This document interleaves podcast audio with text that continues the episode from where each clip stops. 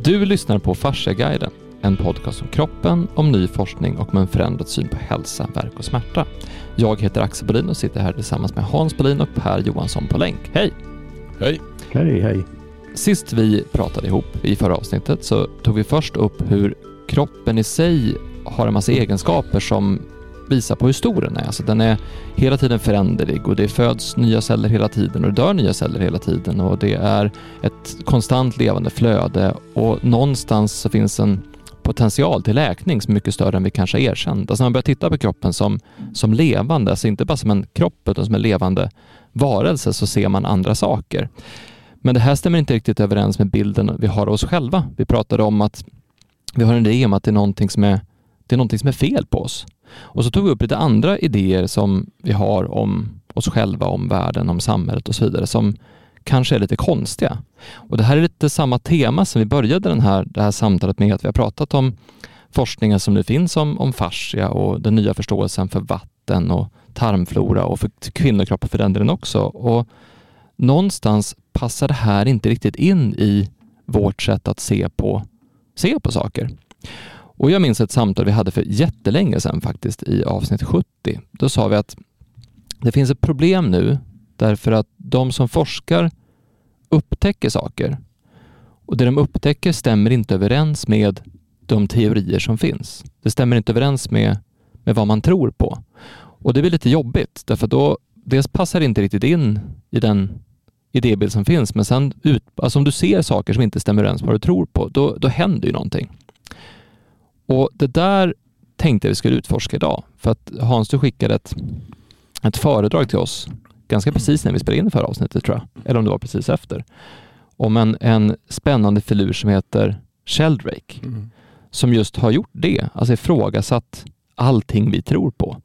Och det är inte jättepopulärt att ifrågasätta allting man tror på, så att han är lite kontroversiell, men, men jag tänkte att det kan vara en bra utgångspunkt att gå igenom vad han egentligen säger, eller egentligen gå igenom de grundantaganden som finns bakom modern vetenskap och se hur det hänger ihop med den levande kroppen, eller ja, den levande varelsen som vi kanske börjar kalla det från och med nu då. Det mm. pratade vi också om i förra avsnittet.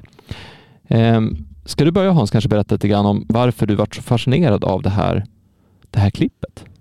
Ja, dels därför att det, han tar upp, det heter ju eh, Exposing the Scientific Dogmas, alltså de vetenskapliga paradigm som vi lever i.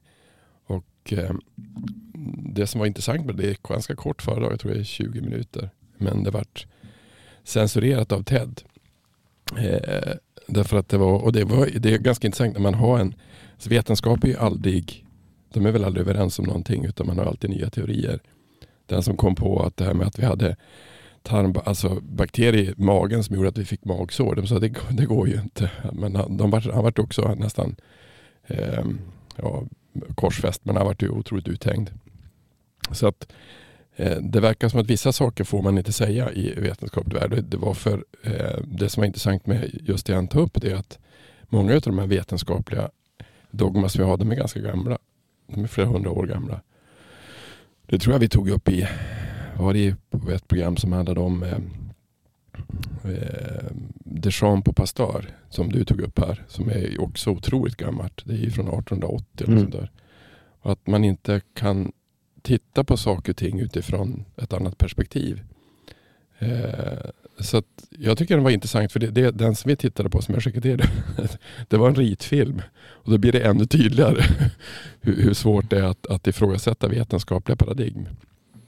Vi ska ta upp några exempel från det, men jag tänkte att vi ska även sätta det här i sin kontext. För varför vi gör det här är att vi upptäckte att det går knappt att förstå den levande varelsen utifrån nuvarande paradigm. Så det är någonting man har missat, det är någonting man tänker fel kring. Det är därför vi gör de här, det är det vi har kommit fram till av, av att vi gjort de här avsnitten överhuvudtaget. Man måste nog tänka annorlunda, men det är inte så lätt att bara tänka annorlunda. Nej, det, är därför, alltså det är det som, eh, alltså tror ett, ett, ett, ett, ett seminarium där han var med, eh, Sköldreik och, och Gerhard Pollack samtidigt. Och då, då sa han att eh, han tyckte det var så häftigt att det fanns sådana som Gerhard Pollack som tittade på vatten och hur det kunde vara på ett annat perspektiv. Och så tror han att alla vetenskapsmän borde vara så nyfikna och så kom han fram till att det fanns bara en, det var Pollack som var nyfiken, det fanns inga andra. Och det som, det, det som vi tar om, om, om kropp, om, om den levande kroppen, att, att, att vi vi är fulla av energi som elektricitet. Att vi har, att vi, att, att vi har eh, flöde som strömmar igenom som Camilla brukar säga att det, det, är ett levande flöde i kroppen och allting ombildas och allting är nytt. Och som Pollack menar egentligen, han menar att det är svårigheten med att om vatten förändras hela tiden så är det svårt att, att egentligen titta på vad kallar han det? Preview articles eh, av någonting som har hänt som, eftersom det, allting händer på en gång. Eh, och det, det är egentligen det, är det som jag menar, som du brukar säga Per, det med, alltså om vi är ett ekologiskt system då är det mycket, då blir det då kan man tänka på ett annat sätt. Och vad är ekologi för någonting? Vad har jorden? Jorden har ju magnetfält och en jädra massa energi som far fram och tillbaka. Hur många blixtar var det som slog ner varje sekund? Hur många som helst. Så att vi lever i ett väldigt märkligt ställe på jorden. Och vi är ju det, mycket saker är ju ganska likt som de stora fenomen som finns i jorden. De finns ju tydligen i oss också. Vi har ett hjärta som är som ett magnet, alltså hjärtat är både en pumpablod men även ett magnetfält. Och då tittar man, jaha är det så det fungerar? Hur, hur fungerar det egentligen? Och vad har, vad har elektricitet och vad har, vad har sådana saker för större saker för betydelse hur saker och ting fungerar? Och det är det han egentligen, Sheldrick är ju egentligen, han är ju biolog. Eh, och tittar på, han försöker förklara andra fenomen med ett annat sätt att se på, eh, på, på ett annat perspektiv helt enkelt. Vi har haft en idé när vi ska försöka förstå kroppen, den här levande varelsen, levande kropp på ett annat sätt. Att vi utgår från principer. Och grundläggande folkmunsprinciper kan ju vara att man, man försöker se, om man försöker se det enkla så, så ser man enkla saker, men försöker man hitta komplexitet så kan man hitta det på samma ställe. Att om, det, om det dyker upp någonting så kan jag välja att försöka hitta den enkla förklaringen eller den komplexa förklaringen och det styr någonstans vad jag får fram. Söker jag efter komplexitet hittar jag det, söker jag efter enkelhet så kanske jag hittar det.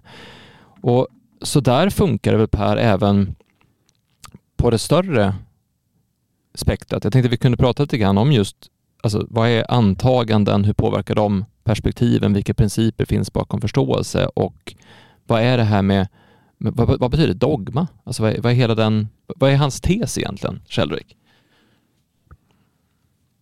Ja, utan att sammanfatta någon eh, övergripande tes hos Sheldrick i och för sig så eh, skulle jag vilja börja med att säga eh, några ord om hur det här med vetenskap egentligen eh, fungerar. För att det, där när man diskuterar vetenskap som någon sorts allmänt begrepp och i synnerhet om man gör det utan att ha några egna insikter i hur vetenskaplig forskning går till så blir det lätt att man klumpar ihop en massa olika saker i en enda klump och man skiljer inte ut vad som är vad. Så att de som bedriver vetenskap, men ska, vetenskap är ju forskare och mm. forskare är människor precis som vem som helst som, som, inte nödvändigtvis har särskilt lätt för att tänka å ena sidan och andra sidan eller skifta eh, perspektiv varannan vecka. Det har ju de flesta människor inte. Och det är, det är inte nödvändigtvis något egenvärde i att hålla på att skifta perspektiv hela tiden heller, utan anledning så att säga. Så, så forskare är, som människor är som vem som helst, även i sin forskningsverksamhet. Sen är ju själva ramen för forskningen är eh, strikt på det sättet som vi har varit inne på i något sammanhang. Eh, eh, att det är väldigt strikta regler för vad som kan publiceras Eh, och kallas eh, vetenskap. Det måste liksom följa vissa principer för hur studierna är upplagda och för hur studierna redovisas. Jag ska inte gå in på det nu, men alltså det finns en sorts gemensam övertygelse om att vet, naturvetenskaplig forskning bedrivs på, på, på ett visst sätt enligt vissa procedurer och framförallt också redovisas enligt vissa mallar egentligen, där man skiljer mellan antaganden man gör, alltså hypoteser och observationer man gör. Det kan vara experiment eller bokstavliga observationer. Så man skiljer noga mellan dem och grejen med observationerna är att de ska så att säga testa hypotesen. Om jag antar att någonting fungerar på det här sättet och så hittar man på experiment eller studie, sätt att studera det här genom observationer som genererar då observationer. Observationspåståenden kan man säga. Och så jämför man det, slutsatserna från hypotesen med vad man faktiskt ser. Med vilka metoder man nu har. Och det varierar ju jättemycket i olika vetenskaper exakt hur de här metoderna ser ut. Och så konstaterar man att ja, men när man gör det här och det här försöket så, stämmer det, eh, verkar det som om de här antagandena, hypotesen stämmer. Jaha, okej, okay, då är hypotesen bekräftad så långt. Men i ett annat försök, i en annan observationsserie, så kanske man gör en iakttagelse att nej men vänta, det här verkar inte stämma med hypotesen. Då, då, då får man hitta på någon ny hypotes, hitta på några nya antaganden. Så att det, det är så att säga på ett principiellt plan hur, hur, hur vetenskapliga förfaringssättet går till. Alltifrån till att eh, hitta på en hypotes, göra försök, göra observationer och sen publicera resultaten. Så när man, när man läser en vetenskaplig uppsats så kan man se tydligt den här, de här distinktionerna. För man börjar med att redovisa antaganden man gör man, och sen eh, och redovisar man eh, observationerna data man har och sen avslutar man med en diskussion. Vad är det vi har kommit fram till? Stämmer det eller inte? Om det stämmer, vad kan det ha för vidare implikationer? Så ofta föreslår man också lite ytterligare saker man skulle kunna fortsätta med. Så att det är väldigt strikt form på det hela. Eh, sen forskarna själva då är precis som vem som helst som regel kära i sina egna idéer. Mm. Så att eh, om, om, om och, och, olika forskare gör olika saker och tänker lite olika. Så att om, om vad är det, då måste man fråga sig vad är det som avgör vilka vetenskapliga idéer som slår igenom på bred front? Och i, i varje så att säga aktuellt läge, i varje dagsläge, så skulle jag säga att det som slår igenom är de, är, är de, de idéer, resultat som är, är förenliga med hur flest föreställer sig att saker och ting är. Mm. Eh, och det gäller alltså i ett aktuellt läge. Och det betyder ju att eh, vetenskaplig vad forskare så att säga egentligen tror på på sätt och vis. Under just nu till exempel mest. Det, det, det följer lite grann samma mönster som, som annan, annan mänsklig verksamhet gör. Alltså det finns moden i vetenskapen. Det finns, det finns etablerade synsätt och de är inte etablerade alltid nödvändigtvis bara för att de är de absolut bästa för att förklara allting, utan det finns alla möjliga, även utom vetenskapliga skäl till att viss forskning går, slår igenom mer än annan forskning. Och ett sådant skäl är finansieringen, alltså vem som finansierar forskningen. När det gäller medicinsk forskning så är en väldigt stor del av finansieringen beroende av eh, läkemedelsbolag. Och, och det i sig innebär en en, en, en bias, så att säga, vilken sorts forskning som man satsar på då, rent finansieringsmässigt. Och detta har då alltså ingenting nödvändigtvis att göra med att söka sanningen. Det betyder inte att man inte söker sanningen på det viset. Alltså det finns ingen mm. anledning att säga att bara för att någonting finansieras av ett läkemedelsbolag så betyder det att det är någon sorts o, oseriös eller biased forskning i sig. Det behöver det inte vara. Men läkemedelsbolag är ju per definition intresserade av resultat som de kan använda i förlängningen. Även om det är ren grundforskning så vill de i förlängningen kunna använda resultaten på något sätt. Och det är därför de satsar. Och eftersom man inte i förväg riktigt vet vad som funkar så satsar man på en massa som inte nödvändigtvis gynnar dem heller. Nu pratar jag idealt sett här nu. Det är ganska viktigt att göra det tror jag. Och inte misstänkliggöra någon sådär i, för, i förväg. Va? Men vad jag, vill, vad jag vill betona är att den typ av forskning, om, om man gör antagandet, vilket jag menar stämmer rent empiriskt, att eh, en stor del av den medicinska forskningen finansieras direkt eller indirekt av läkemedelsbolag, så betyder det att den kommer att betona biokemi och molekylärbiologi och genetik och sådana saker. För att det, det är sånt de sysslar med hela deras affärsmodell går ut på att skapa produkter som grundas på biokemi, molekylärbiologi, genetik och, och, och, och närbesläktade eh, studier. Eh, och, och, det finns även andra skäl, om vi bortser från finansieringsbiten nu, så finns det andra skäl eh, att man i väldigt stor utsträckning koncentrerar sig på de här ämnena jag sa. Och det är, eh, det är egentligen filosofiskt och där har vi en historisk bakgrund. Det filosofiska skälet är att de flesta som är verksamma inom olika naturvetenskapliga ämnen och har någonting att säga till om, om jag uttrycker mig så, eh, har i grund och botten vad man filosofiskt kan kalla en materialistisk och, och eh, i vissa avseenden mekanistisk verklighetsuppfattning. Så, så eh, då har man svårare att tänka i, i, i termer som inte är klart definierbara i termer av kemiska reaktioner eller kemiska processer av ett eller annat slag. Alltså, så, det, så, så, så, allt det där samverkar då att du får en viss gemensam sorts outtalad gemensam uppfattning om vilken sorts forskning som är lönt att hålla på med om man vill göra karriär. Mm. Och, och en, en, en, sista sak vill jag tillägga då, va? att de som inte är strikt, starkt involverade i någon pågående forskning själva, de är ju som jag, även jag, jag menar jag forskar inte längre i mm. någon, någon, någonting. Va? Jag, jag, är, jag är liksom inte intresserad av att begränsa mig på det viset. För jag är intresserad av de här lite mer grundläggande, djupare mänskliga, filosofiska frågorna.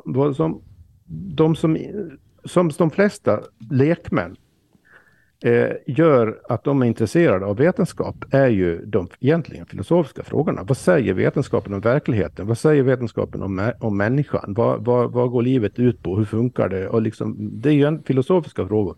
Vad, vad de flesta liksom inte riktigt har klart för sig det är att så som naturvetenskap fungerar idag i alla fall så handlar den väldigt lite om filosofi. Utan den handlar om att producera resultat utifrån eh, de här kriterierna och, och antagandena jag har antytt nu då. Så, så de flesta forskare som är liksom helt uppe i sitt forskningsarbete, för det är ett jobb egentligen för de flesta. De, är inte, de, de har ingen aning om vilka filosofiska antaganden de, de eh, utgår ifrån. Utan de gör som vem som helst på vilket jobb som helst egentligen. Att, att ja, det man, det är så här man gör, det är så här man tänker.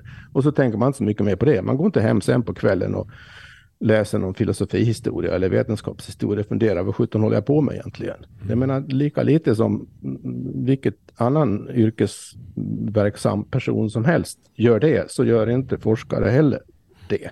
Så att det finns en ganska hög grad av filosofisk omedvetenhet i vetenskapen. Och det blir problem nu då nu för tiden när så mycket faktiskt rent vetenskapliga resultat själva, som i fasciaforskningen till exempel, mm. eh, kommer fram till att ja, men det här vanliga paradigmet, det här vanliga sättet att göra saker på, förstå saker på, de här vanliga grundantagandena vi har att operera med om, om, om vilken sorts, hur man ska tänka, hur man ska göra försök, allt möjligt. Funkar inte riktigt. Mm. Som vi har varit inne på så många gånger. Det, de inte, vi måste nu börja lära oss för att förstå det här vi rent faktiskt molekylärbiologiskt också har kommit fram till och anatomiskt när det gäller mm. fascia, fysiologiskt. Så behöver vi, kan vi liksom inte bara utgå från vad som händer på mikronivå hela tiden. Vi måste på något sätt försöka förstå hur helheten hänger ihop. Mm. Och då hamnar man i det där som vi har varit inne på gång på gång. Hur sjutton tänker man i helheter? Och hur tänker man om helheter? Och då, då börjar det hända, då, vad som händer då är att man kommer, det pågår ju redan och det kommer att accelerera även inom vetenskapen. Då kommer man på olika sätt förr eller senare bli tvungen att ifrågasätta de här filosofiska grundantagandena man har gjort vanemässigt under lång tid. Så det är det, det är det som håller på att hända nu det var en väldigt översiktlig bild. Man behöver skilja på de här sakerna jag har sagt mm. nu för att förstå vad som pågår egentligen och, och, och, och, vad som är anledningen till konstigheter och frågor och kontroverser och så vidare. Så en anledning till kontroverser, att en sån som Pollack eller Sheldrake, som är kända exempel då, det finns ju många andra som mm. egentligen tänker ganska mycket som dem, inte nödvändigtvis innehållsmässigt, men i sin attityd, att man vill veta sanningen om hur det funkar egentligen. Problemet för de personerna är ju att vad de kräver av sina kollegor kan man säga är att de åtminstone några dagar så att säga förmår ställa sig vid sidan om hur de normalt tänker.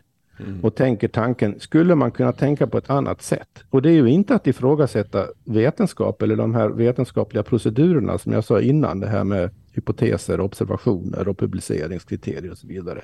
Det finns ingen anledning att, att, att ifrågasätta det nödvändigtvis, utan det är just de här i grund och botten filosofiska grundantagandena som eh, man behöver eh, se över ja, nu, typ. Jag tänkte så här, för vi har ju pratat om det här tidigare. Eh, vi har pratat om det i avsnitt två, gick vi igenom det ganska ordentligt. Vi pratade även om hur vi tänker på saker i avsnitt åtta och vi har pratat om det i avsnitt 70 och vi har varit inne på det här ämnet flera gånger och hela den här serien handlar om det på något sätt. Så jag tänkte så här. Jag tänkte presentera en snabb sammanfattning av en, av en idé som vi har pratat om tidigare, både i podden och utanför. Och sen tänkte jag läsa upp de här påståendena som Sheldrick har. Och så tänkte jag att vi ska utgå från det och se vad säger det här egentligen? Mm. För idén som vi har pratat om är att på 1600-talet så hände det någonting. Någonting som är väldigt unikt i historien. Och dels har vi pratat om den här uppdelningen som kom från Descartes, att man delar upp inre och yttre, man delar upp det materiella och det icke-materiella och så sen blir det en tydlig avgränsning mellan, mellan de bitarna. Och det föddes också en idé om att man kunde separera saker för att förstå dem. Samtidigt så kom någonting på ett helt annat sätt och det var ekonomin som är just att man kan mäta, väga, tydliga ettor och nollor, allt är kvantifierbart och så vidare. Den kom också samtidigt. Och parallellt med det här så hade man det 30-åriga kriget där man sa att nu är vi trötta på det här med Gud. Så att kyrkan fick ta hand om, om eh, Gud och eh, vetenskapsmännen fick fokusera på materian. Man, ska... man var inte trötta på det här med Gud, man var trött, trötta på att det hela tiden var en massa teologiska kontroverser, kontroverser som man blev mm. inblandad i när man ville studera naturen egentligen de, de tidiga forskarna här, Newton och Galilei och kompani som alla känner till, de var ju egentligen djupt troende allihop. Så det mm. var inte Gud som var problemet, utan det var att man käbblade med massa teologiska spetsfundigheter så blev man inblandad i så fort man ville veta hur, hur naturen fungerade. Mm. Och det är intressant och, och för att även... skilja på det då så blev, fick man vara i fred för kyrkan egentligen. Och vi pratar det är en bakgrund till den här uppdelningen. Ja, men precis. Så vi pratade om det här även i avsnitt två, om hur den utvecklingen har sett ut och så vidare. Men, men även sån sak som, som Linné som försökte kartlägga och förstå alla växter och så vidare var ju också väldigt djupt troende. Så att det oh. fanns ju en, en djupt troende aspekt av det här ganska långt fram in på 1800-talet till och med. Men, men någonstans har ju det försvunnit idag. För frågar du... Ja, det, alltså det försvinner ju på 1800-talet. För vad som händer på 1800-talet, ja, det börjar försvinna på, på 1800-talet. För att vad som händer då är att en en materialistisk verklighetsuppfattning, alltså en materialistisk metafysik, att det enda som är verkligt är materia. Mm. Och, och, ganska ytligt uppfattad materia då. Det här är ju före kvantmekanik och sådant. Eh, så så eh, inga andra förklaringar eh, eller sätt att tänka ens blir, är så att säga legitima i naturvetenskapen längre från 1800-talet och framåt. Och, och, konstigt nog så trots kvantmekanik som har en lite annan syn på materia än den här 1800-talsuppfattningen så lever de flesta av oss, inklusive forskare då, kvar i en, i en sorts newtonskt eh, föreställningsvärld med par partiklar och, och, och, så vidare. Va? De ska fasta entiteter egentligen. Ja, och redan i vår absolut första film som vi gjorde, den här första ritfilmen, så pratade vi om det mekanistiska universumet. Mm. Om vi då tar, för han säger, säger i alla fall att det finns tio stycken dogman, som är mm. idéer som vi tror på, som formar hela vårt sätt att se på vetenskap och även formar vad vi kan upptäcka. Och när någonting strider mot det här så blir det blir det jobbigt för oss. Men det som är intressant med det, nu läser upp det som är intressant med det, han har ju egentligen samma sak som, han kommer ju från genetik. Han kom ju från att han kom på att det funkar inte sådär. Det, det är inte gener som gör allting. Det är inte så det fungerar. Han kom ju från en forskarbakgrund där man egentligen är rationell och man är att allting är mekaniskt och rationellt. Och det kommer fram till att så var det ju inte. Så att han har ju, han har ju ja, rationellt är det kanske. Alltså rationellt tänkbart och utforskningsbart. Men det är inte mekaniskt på det nej, här. Mekan, nej, me mekaniskt, mekaniskt rationellt, det var det han egentligen trodde att det var. Och det, det kom han fram till så var det inte. Och det var, det, det var ju det som, så att han kom ju från ett annat håll och, och tittade på att det, de här, det verkar inte stämma. Eh, och det är det som är, det är därför han tar fram de här eh, dogmerna som sen, som, därför att de kanske är så djupt rotade, vi kanske inte ens förstår vilka, hur de är. Men, men eh, och det som är intressant med jag tycker det talet som han hade det är ju att det är bara en sammanfattning av en bok men att det fick sån enorm genomslagskraft att man på en sån plattform som TED tog bort det, att man förbjöd det, att, man, att, att, att det inte fick pratas om. Det är ju rätt intressant. För om du läser upp dem så säger det, det, det är ingenting som är kontroversiellt. Det har ju att göra med, som jag antydde nyss i ja. det jag sa, att, att, att det här är, är egentligen i grund och botten mer en fråga om politik än, än, än någon sorts vetenskaplig grund, grundforskning. Ja, eller det blir ju det så fort det är människor inblandade, olika institutionella och ekonomiska intressen blandade, så blir det en sorts politik av det också. Så att ja, man... men eller så filosofi eller så man ser om, om vi har gjort det som vi gjorde nu, vi har tittat på eh, Finns det, kan man mäta obalans på en häst och kan man behandla en häst och se om det finns så? Och det är inte riktigt heller vedertaget att det är så man kan göra det. Samma sak. På... Nej, men alltså vad jag, jag tycker att man behöver, man behöver förstå här, alltså det, det, det, vad vi diskuterar här är frågor på två nivåer. Den ena mm. nivå, nivån är den rena kunskapsnivån. Mm. Den andra nivån är eh, egentligen maktnivån. För att när jag sa det var polit, det hade politiska och ekonomiska intressen blandade här. Det är både inom veten, det är inte, även inom vetenskaplig politik då på mm. institutionerna. För att på varje vetenskaplig institution så kämpar olika forskare om begränsade forskningsmedel. Och, och därför blir det även inom forskningen en politisk fråga vilken sorts forskning man så att säga som pre, premieras av olika skäl. Vi behöver mm. inte gå in på alla de olika skälen, men det, det är alltså en maktkamp om finansieringen hela tiden. Och om det då finns stora finansiärer som har en tendens att över tid mera premiera ett visst perspektiv än ett annat perspektiv. Och finansiärerna kan vara stora företag, det kan också vara och, och är ofta eh, statliga anslagsgivare då. Mm. De, de, av olika skäl som vi inte heller ska gå in på för då blir det bara program om det, premierar eh, olika sorters forskning som tjänar deras intressen. Så att mm. forskarna sitter i stor utsträckning i händerna på, fin på finansiärerna och det, därför har annorlunda idéer som inte liksom har en uppenbar nytta från finansiärernas synpunkt, vare sig de är statliga eller privata, svårare att slå igenom. Och är det så att, att stark, väldigt starka alternativa forskningsidéer uppstår, vilket de börjar göra nu mer och mer, då kommer ju det faktiskt, eftersom det är en maktfråga, en politisk fråga, ekonomisk fråga och, och bli kontroversiella av den anledningen. Och jag tror att det är det som ligger bakom att Sheldrake liksom propagandamässigt närmast eh, från vissa sammanhang. Liksom en hel del andra forskare som inte alls är några flummare på något sätt egentligen. Utan bara tänker väldigt annorlunda. Men punkterna, mm. Axel? Mm. Ja, jag tänker vi ska inte bara läsa upp dem utan vi får ta det utifrån fascia-perspektivet eller den levande Just. kroppen, levande varelsens perspektiv för att se om det här stämmer. För, mm. för vi kan ju någonstans rabbla upp, ja, det här säger han, då ska vi hänvisa till honom och så kan det som vara sådär så. Ja, men, det kan ju vara en kolla själv. Men varför vi gör det här är ju någonstans för att visa hur, hur annorlunda det faktiskt är att förstå det levande. Hur, mm. hur dåliga vi är på det och jag skulle vilja säga hur, hur nästan inprogrammerade vi är att inte kunna förstå det levande. Mm. Eh, och om vi tar den första punkten han har så är det Eh, vi tror att naturen är mekanisk. Att alla varelser eh, och, system, alltså naturliga system är som robotar. De, de, följer en given genetisk process. Det finns en förutbestämdhet i en mekanism här.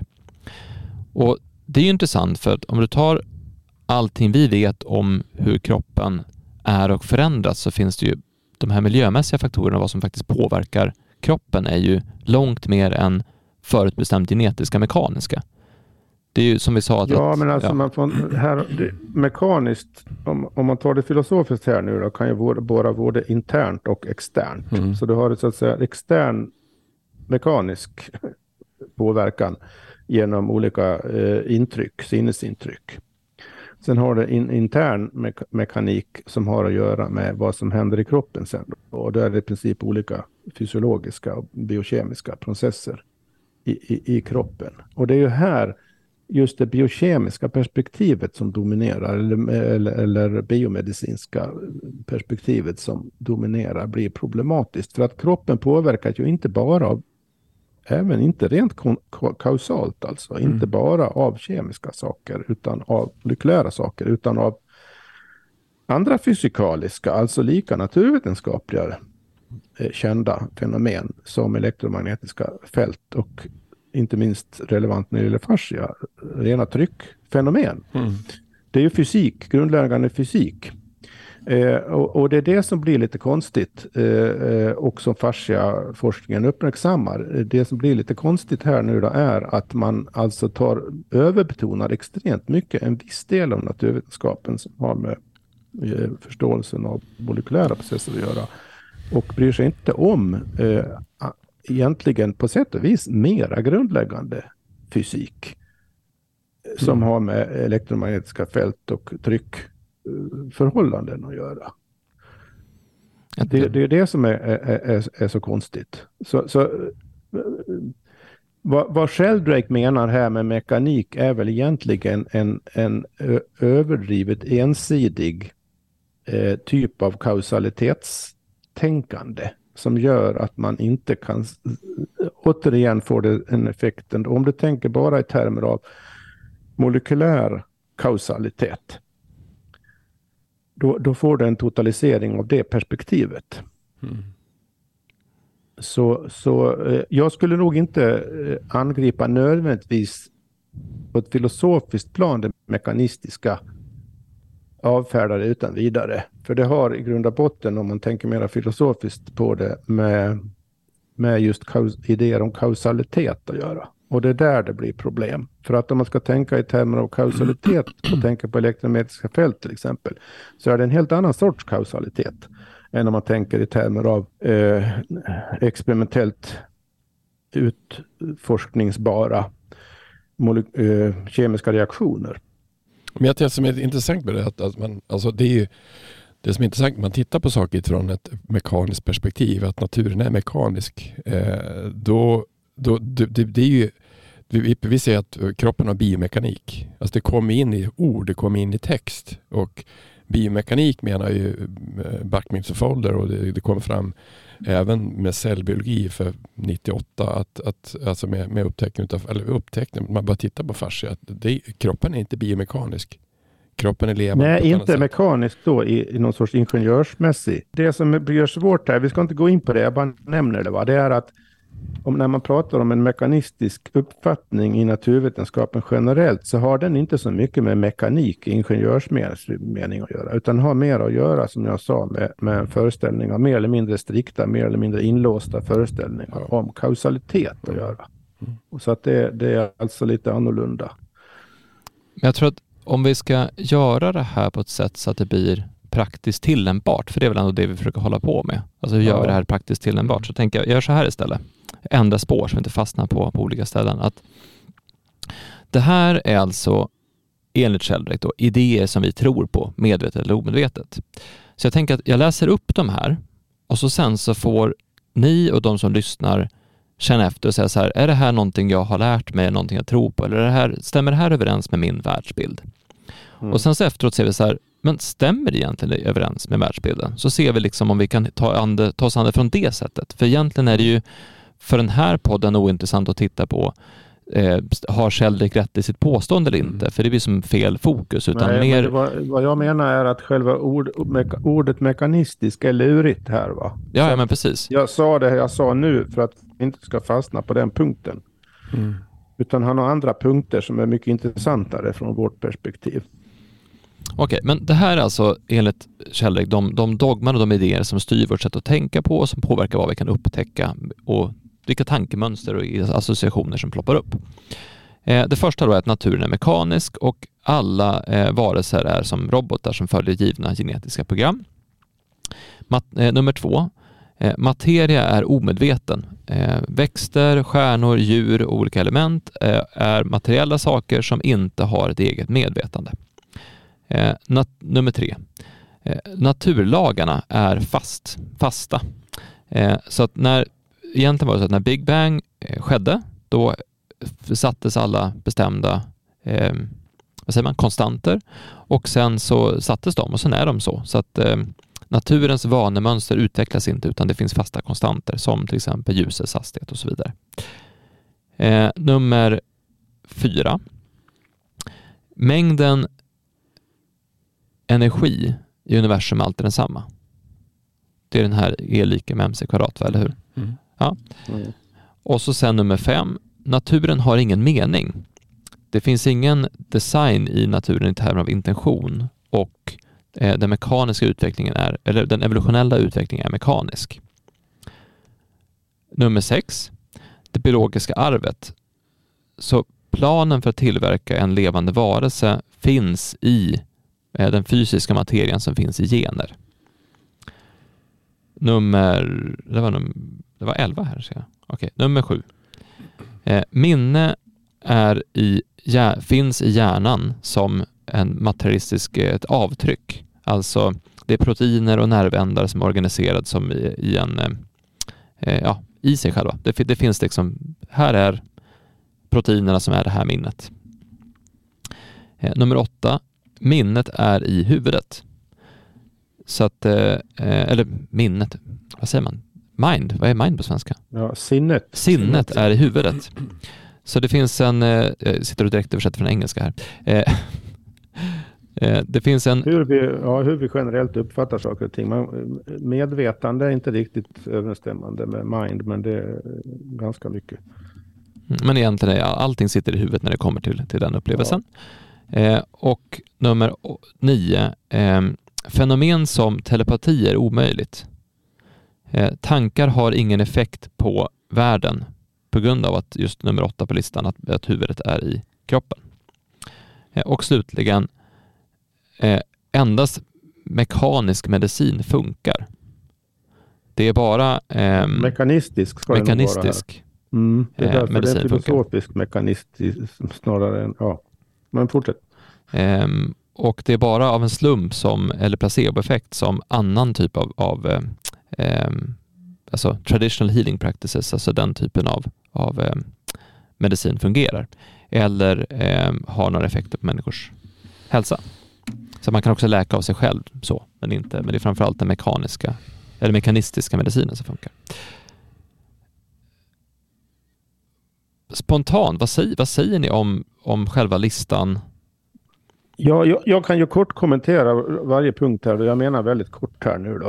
Eh, det här med mekanistiskt har, har, jag redan sagt någonting om. Apropå punkten att, att mängden energi och materia alltid är samma i universum. Det är inte relevant för oss. Det får fysikerna strida om. Likadant det här med naturlagarna. Där, där skulle jag bara vilja säga att, att eh, eh, huruvida naturlagarna, det som alltså än så länge uppfattas som fasta naturlagar, eh, alltid gäller eller inte, det, det är ju en eh, rent empirisk fråga egentligen.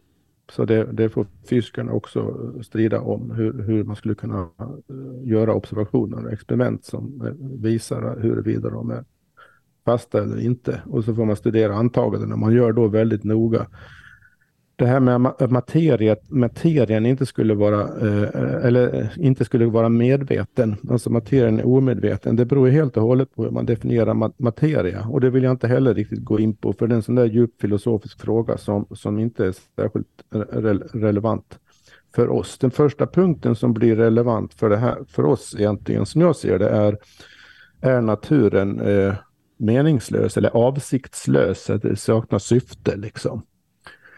Eh, det är man ju inom den naturvetenskap som jag är mest insatt i själv, det är ju evolutionsbiologi och, och, och, och ekologi och, särskilt överlappningarna dem emellan. Och där fin, vet jag ju att det finns en hel del diskussioner som handlar om, om, om just den här frågan. Och det är återigen lite en definitionsfråga. Men om du utgår från Eh, en, en, en deterministisk mekanistisk verklighetsuppfattning. Det var, apropå med kausalitet, en väldigt strikt mekanistisk materiell kausalitet som man laborerar med egentligen i grund och botten i darwinistisk evolutionsteori. Så är ju hela den levande världen en, eh, ett resultat så som man ofta oftast tänker där då. De flesta verkar det som.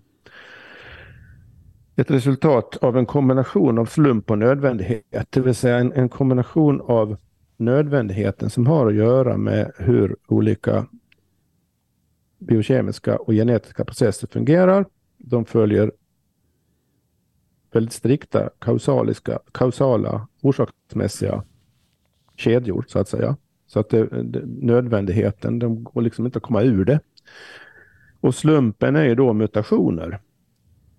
Som inför liksom oförutsedda nya saker. Men hur mutationerna verkar är ju också just slumpmässigt, tänker man sig. Det finns ingen avsikt bakom en mutation. Men det där är ju en teori, ett te en grupp av teoretiska antaganden inom biologin med centrum i evolutionsbiologi. Men det finns ju inom den forskningen, inom den evolutionsbiologiska forskningen på olika institutioner andra idéer om vad som är det primära och hur det där fungerar. Så, så här har vi att göra med en sån här paradigm som, som dominerar men som inte nödvändigtvis är sant bara för att i alla lägen bara för att det dominerar. Och sen, eh, det, det går ju också över då i nästa punkt det här med att är, är biologisk arv eh, materiellt. Materiellt betyder då att biologiskt arv är enbart en fråga om en viss, hur man tänker på att det här med, eh, med gener och genetiska koden och arv och så vidare i den meningen fun funkar. Om du tänker mekanistiskt deterministiskt på det så tittar du ju bara på det. Du, du tittar ju inte på eh, andra typer av överföring av information eller kunskap mellan generationerna. Och där, där finns det ju forskare som gör det och de kommer ju fram till att ja, men det, det finns en del saker som verkar fungera på andra sätt. Och där har kommit på senare år väldigt mycket ny forskning som visar att det, det, det där funkar inte riktigt så där rent, så att säga, som man tänker sig från darwinistisk synpunkt.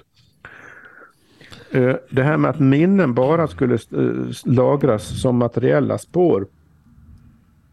Det har vi pratat om och ni har pratat om i, i åtskilliga avsnitt om fascia-guiden. Hur minnen lagras i, I kroppen.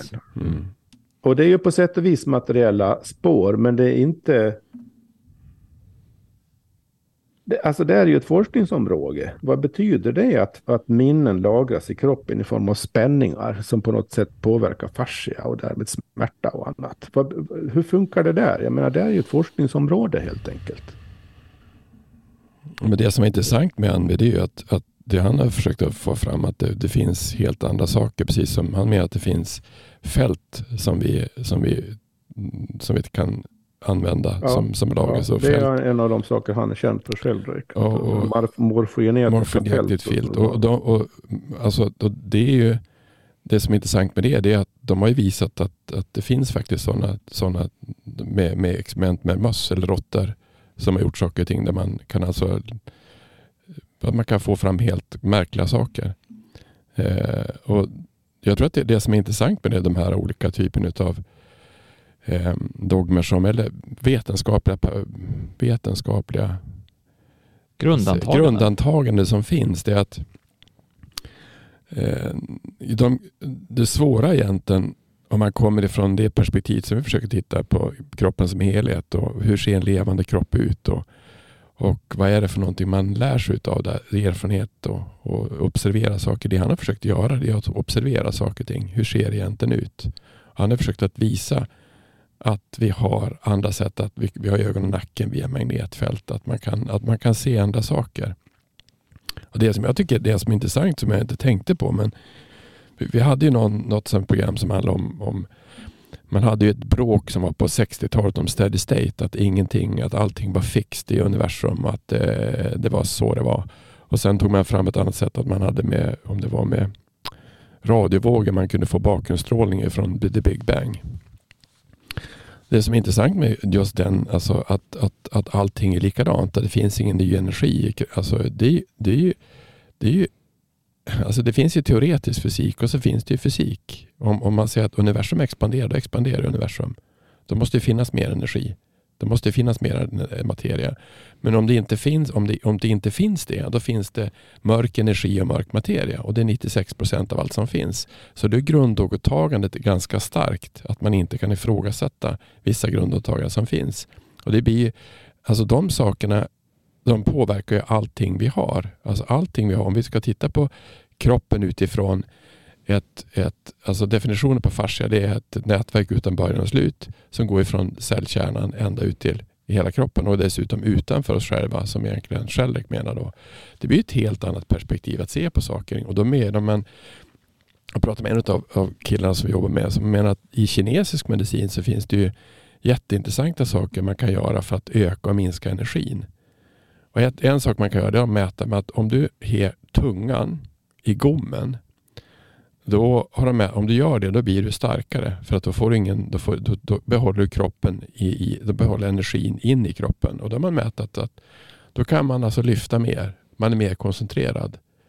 Och då har man ju, det, är ju, det är ett annat sätt. Alltså det, det, det konstiga är ju att, att ska vi se på kroppen, den levande kroppen och vi inte kan ifråga, då måste vi ifrågasätta vad, vad är det för paradigm som vi tittar på den levande kroppen ifrån och de är så extremt starka att det är svårt. Vad, vad, det är svårt vad du har där är ju en empirisk iakttagelse apropå det där med tungan nu då, om det ja. finns sån forskning så eh, då kan du göra, eh, eh, se, göra empiriska iakttagelser som inte är så lätt att förklara i de etablerade biomolekylära termer, ter, termerna. Och det är ju samma sak här med, apropå den här punkten med minnen, lagras minnen som materiella spår. Vad han, jag antar att vad han syftar på det är, har att göra med hur minnen lagras i hjärnan. Alltså man tänker sig då att det är vissa molekylära spår på något sätt.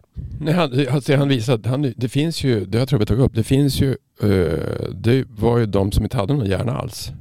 Alltså som var alltså nästan 10% av hjärnan kvar. Och de var hur smarta som helst. Eller de var normalbegåvade. Så att... Ja, den mest närliggande här är ju eh, att minnen, om minnen lagras i fascian sig. Så, så uh, lagras de ju på ett annat sätt då än man tänker sig i, i hjärnan. Och, och, och, och det, det, får man ju re, re, reda ut då. Och, och, det här övergår ju i, i den and, nästa punkt då som är, är, är medvetande eller, eller sinnet koncentrerat till, till, till hjärnan. Det har vi ju fått lära oss i moderna och det finns mycket populär vetenskap och artiklar och radioprogram om det. Liksom, att vi på något sätt är, det, vi, vi är vår hjärna. Och det, han, det, det han menar där är det, att... Det, alltså tänkande och medvetande, allting är liksom begränsat till, till, hjärnan. Där finns det ju en hel gren av kognitionsforskningen som, som visar att det, om, man, om man tänker så genom bara input-output i förhållande till hjärnan så är det väldigt mycket som blir väldigt svårt att förstå.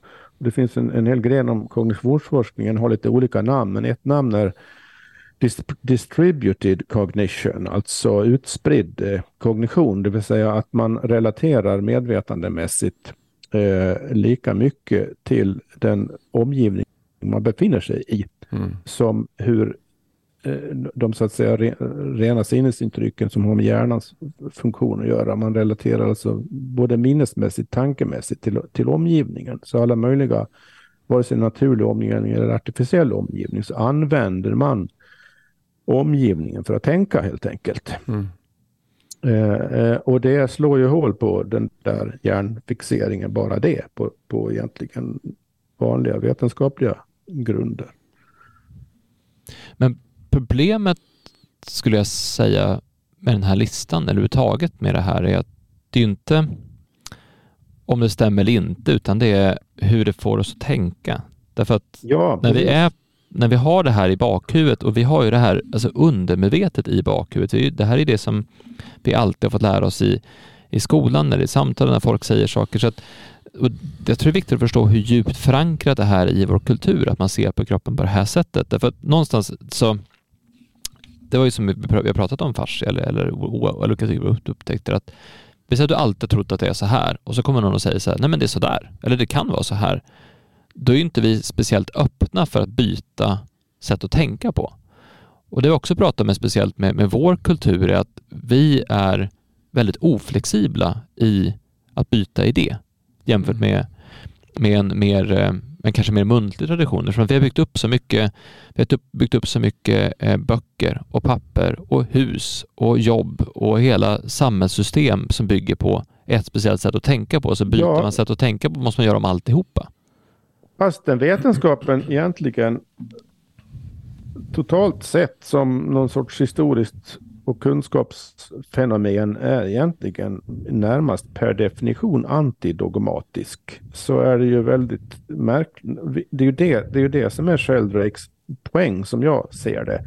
Att hur kan en kunskapstradition och ett, en, en attityd till kunskap och kunskapsinhämtning som, har, har, som vi har här nu då i, i, i hur vetenskapen fungerar idealt sett. hur, hur kan den resultera i dogmatiska föreställningar? Det, det är ju jättekonstigt. Min, mina kommentarer här till Schelleks punkter är ju eh, från min synpunkt till stödjer ju hans tes. Mm. För, för att det, jag håller med honom. Det, det, det är bara det att det, det, det, anledningen till att jag framhåller det här, liksom, eh, sakerna jag gjort nu då för de olika punkterna, att, att eh, om man vill studera minnet till exempel så kan man inte bara studera hjärnan. Om man vill studera kognition så kan man inte bara studera hjärnan heller, utan det, man måste ta hänsyn till en massa an, andra saker. Det gör, det gör man inom vissa delar av vetenskaplig forskning, men i andra delar så struntar man totalt i det, vad man har kommit fram till på de hållen då. Och därför får vi den här liksom dogmatiska inställningen som jag menar återigen är en politisk ekonomisk maktfråga. Mm. Mest av all, allting. Så, så och, och, och, det är ju det är ju därför Sheldrake svär i, i kyrkan. Han svär i makt, vetenskapliga maktkyrkan. Han svär inte i forskningskunskapskyrkan egentligen, om man ska vara ärlig här.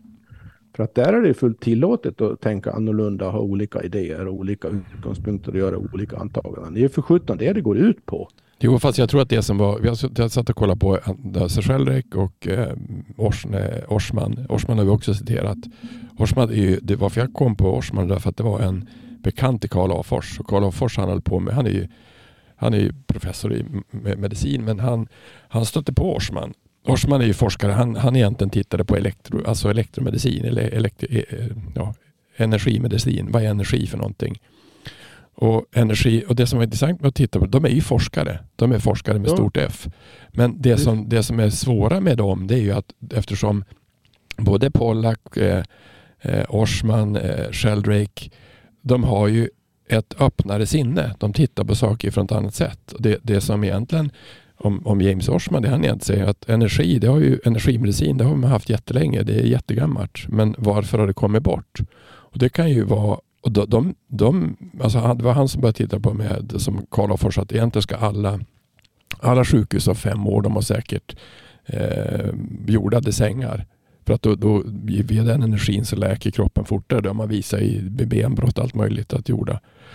Eh, att, att använda jordens magnetfält för att läka kroppen. Men det som inte är okej. Okay. Det är inte okej okay att använda något annat än, än som du sa, en, en biokemi. Det, det, är det enda man får använda. Och det, det, blir, ju, det blir det lite märkligt med, eh, med både med teknik. Jag var ju träffade nu var träffade de igen, FLIR som håller på med värmestrålning, alltså hur, hur, vad kroppen ger ut sig. Och det kan man ju se. De, de förlorade ett forskningskrig som egentligen var på 80-talet. Att, för att om man skulle kunna använda värmekameror vid till exempel vid man kan se om det finns inre blödningar då. Och det kanske man kan göra på ett annat sätt nu, men på 80-talet var det, man, det var ett jättebra instrument att göra det på. Det, den, den, de, är, de använder lite grann på hästar, men in, nästan inte alls på människor. Så det finns ju, de måste förstå att det finns jättemycket pengar och det finns jättemycket ensidigt sätt. Eh, kanske, men inte. Men, men de som tittar på forskning från ett annat sätt som vattenforskare gör eller som eh, energiforskare gör, det, som Schellek gör, de, de, de blir lite de blir eh, tittade på som annorlunda. Att, att de har ett annorlunda sätt att se på. Alltså de är lite new age, ja, men det är de ju inte. De är ju Nej, forskare. De, det, är de är, jag säger, det, är, det är just därför jag har sagt det här jag har gjort apropå hur vetenskapen fungerar och det här med antaganden och alltihopa. Att det finns olika del, andra delar av bio, både biologisk och medicinsk forskning som som, som eh, inte nödvändigtvis gör samma grundantaganden som de här som dominerar så kolossalt. Och jag menar på fullt allvar att de dominerar av en enda anledning. Det är att de främjar vissa eh, politiska ekonomiska maktintressen. Det är inte konstigare än så. Mm. För att det är mänsklig verksamhet vi har att göra med här och mänskliga verksamheter, hur de artar sig, har med politik och ekonomi att göra. Så att det är därför man måste skilja på den dimensionen här som har med, är, är en fråga om maktförhållanden och dimensionen som har med kunskap att göra. Mm. För att om man, om man fokuserar bara på kunskapsdimensionen då, då eh, är det inget konstigt med, med Sheldrake. Det betyder inte han, att han har rätt i allting, men det betyder att han är inte ovetenskaplig bara för att han eh, tänker lite annorlunda mm. i vissa avseenden. Mm. Det, det, det, det, är absurt att, att påstå det. det. Men egentligen är det ganska intressant det här. Därför att det som vi har kommit fram till nu är att i slutändan så handlar det inte om kunskap utan det handlar om makt. Ja, Och, och jag, det, är inte, det, det som är intressant att se på, alltså man, om man tänker, inte tänker makt nu som en, en konspiration av massa män i ett rum som bestämmer saker, utan tänker makt som, som fenomen. Det som ja många, in, det handlar om inflytande. Ja, Vad det- det som många utövar inflytande. fascineras av. Det har, man behöver inte anta några konspirationer alls, utan det är en liksom ganska Ja. nästan automatisk följd av hur saker och ting funkar Ja, för det som många fascineras av när de, när de kommer längre upp i hierarkin när de jobbar är att de börjar förstå, vänta det här handlar inte längre om att prestera och göra ett bra jobb, utan det handlar mer om att knyta rätt typ av kontakter, säga rätt saker till rätt personer, att befästa sin position. Och det här är ju, jag, jag kommer ihåg att när jag läste management så, så började, hade vi en, en del som handlade just om organisationer som maktstrukturer. Hur viktigt det var att knyta sig an till rätt personer. Och tittar du på olika tv-serier som har kommit fram som till exempel Succession och så vidare så handlar det mer om att man har rätt position i gruppen, rätt typ av makt, än vad företaget gör, än vad verksamheten ser ut. Och det är Ja, någonting va- med makt i just. sig som gör att vi börjar bete oss på ett visst sätt när vi kommer upp i en typ av nivå. Alltså det är någonting med, med status som gör att vi börjar försvara status. Och det är viktigare att, att jag har den positionen än vad jag, vad jag faktiskt gör. Och det där är intressant för vissa typer av av saker gör att när vi, ju mer vi har av det, desto mer vill vi ha det, desto mer rädda vi är förlorare. Det är samma sak med, med eh, ja, men, makt är en typisk sån grej. Och det där kanske kan föra in oss på ett annat typ av samtal som handlar om vad, vad är det här för någonting egentligen? Och jag tänker att om vi konstaterar nu att det inte, det behöver inte vara en, en det behöver inte vara en, en ondskefull långsiktig plan utan det kan faktiskt vara så att det här är en naturlig konsekvens av att det har skett på det här sättet under väldigt lång tid och på hur människan beter sig. För då kan vi knyta tillbaka det till det grundläggande mänskliga. Alltså vad är en människa? Hur är vi i olika situationer? Och det tror jag kan bli en intressant, ett intressant sätt att ta vidare det här samtalet på. Mm.